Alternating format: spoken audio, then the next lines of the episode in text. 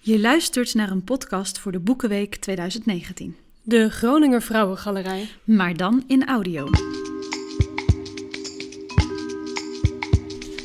In 1919 wordt Anna geboren in Frankrijk. Haar ouders zijn daar op dat moment op vakantie. Haar vader heeft een rubberonderneming en een theeplantage op West-Java. Daar in voormalig Nederlands-Indië groeit ze op tot een jonge vrouw. Eigenzinnig, creatief, principieel en met sterke pacifistische overtuigingen. Ze gaat studeren in Batavia, geneeskunde. Maar dat betekent wel dat ze een levend weefsel moet snijden. En door haar enorme liefde voor natuur en dieren, ze is ook een overtuigd vegetariër, En dat terwijl haar vader een bevlogen jager is. lukt haar dit niet en weigert ze. In Groningen is het mogelijk om geneeskunde te studeren zonder hierbij dierproeven uit te hoeven voeren. Dus vertrekt ze in 1938 vanuit Nederlands-Indië naar Groningen. Om daar verder te studeren. Eenmaal in Groningen Ze is dan 19 jaar. sluit ze zich aan bij de vrouwelijke studentenvereniging Magna Peten en de Sociaal-Democratische Studentenclub. Al snel gaat ze ook schrijven voor een universiteitsblad, een manier om haar ideeën te delen. Naast het studeren, de bedrijvigheid van de verenigingen en het schrijven voor bladen kan ze ook goed tekenen. Ze komt in contact met allerlei kunstzinnige mensen in Groningen. Eén daarvan is de ploegschilder Johan Dijkstra. Hij is onder de indruk van de Aziatische vrouw en portretteert haar meerdere malen. Maar dan verandert haar leven door het uitbreken van de Tweede Wereldoorlog. Ze komt in contact met een groep verzetstrijders. Verzetsgroep De Groot. Deze groep richt zich op het pacifistisch verzet. Oftewel een geweldloos verzet.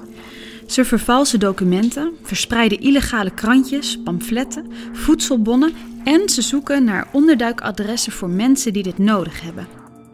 Anda gaat vooral aan het werk als koerierster. De groep bestaat uit zo'n 30 man en dat gaat goed. Maar eind 1944 gebeurt datgene waar ze allemaal wel angst voor gevoeld moeten hebben. Ze worden verraden. Maar door wie? Dat is niet duidelijk. Op 27 december wordt Anda gearresteerd door de SD, de Sicherheidsdienst, inlichtingendienst van de nazi's. Ze brengen haar naar het Scholtenhuis aan de Grote Markt in Groningen. Daar vestigden zich een maand na de inval in Nederland de Duitse bezetters. Zij gebruiken het sindsdien als noordelijk hoofdkantoor van de Sicherheidspolizei en de Sicherheidsdienst. Vele verzetsmensen zijn hier op vrede wijze verhoord en gemarteld. Zo ook Anda. Haar verhoor verloopt, zoals je dat kunt verwachten, erg gewelddadig. Juist waar zij zo op tegen is. Ze wordt gemarteld, vernederd, opgesloten. Ze krijgt stokslagen. Soms verliest ze haar bewustzijn, waardoor de mishandeling kort wordt onderbroken, maar daarna in alle hevigheid wordt voortgezet. Maar ze houdt vol. Ze is onverzettelijk, Koppig. moedig. Ze zwijgt. Omdat de Duitsers informatie willen over de verzetsgroep, moet Anda eerst nog wekenlang lijden. Toch blijft ze onverzettelijk. Helaas wordt toch vrijwel de hele verzetsgroep opgerold. In maart 1945 wordt ze in de bossen van Glimmen geëxecuteerd. Ze is dan 25 jaar. Een paar maanden voordat Anda werd opgepakt, schafte Adolf Hitler de militaire rechtbanken af. Verzetstrijders Door de Duitsers terroristen of saboteurs genoemd. hebben dan geen recht meer op een proces en kunnen meteen na hun arrestatie gedood worden. Als Anda dus een paar maanden eerder was opgepakt, had ze het misschien ook niet overleefd, maar dan was de kans wel iets groter geweest.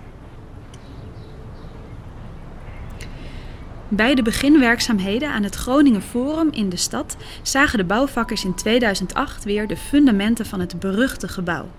Het Scholtenhuis. Dat gebouw overleefde de oorlog namelijk niet. Tijdens de bevrijding in april 1945 explodeerde de munitievoorraad en brandde het pand bijna helemaal af. Na de oorlog werd de oostzijde van de Grote Markt vernieuwd. Op de plek waar het schooltenhuis stond kwam een nieuw gebouw voor een Groninger studentenkorps. En ondertussen staat hier ook het Groninger Forum.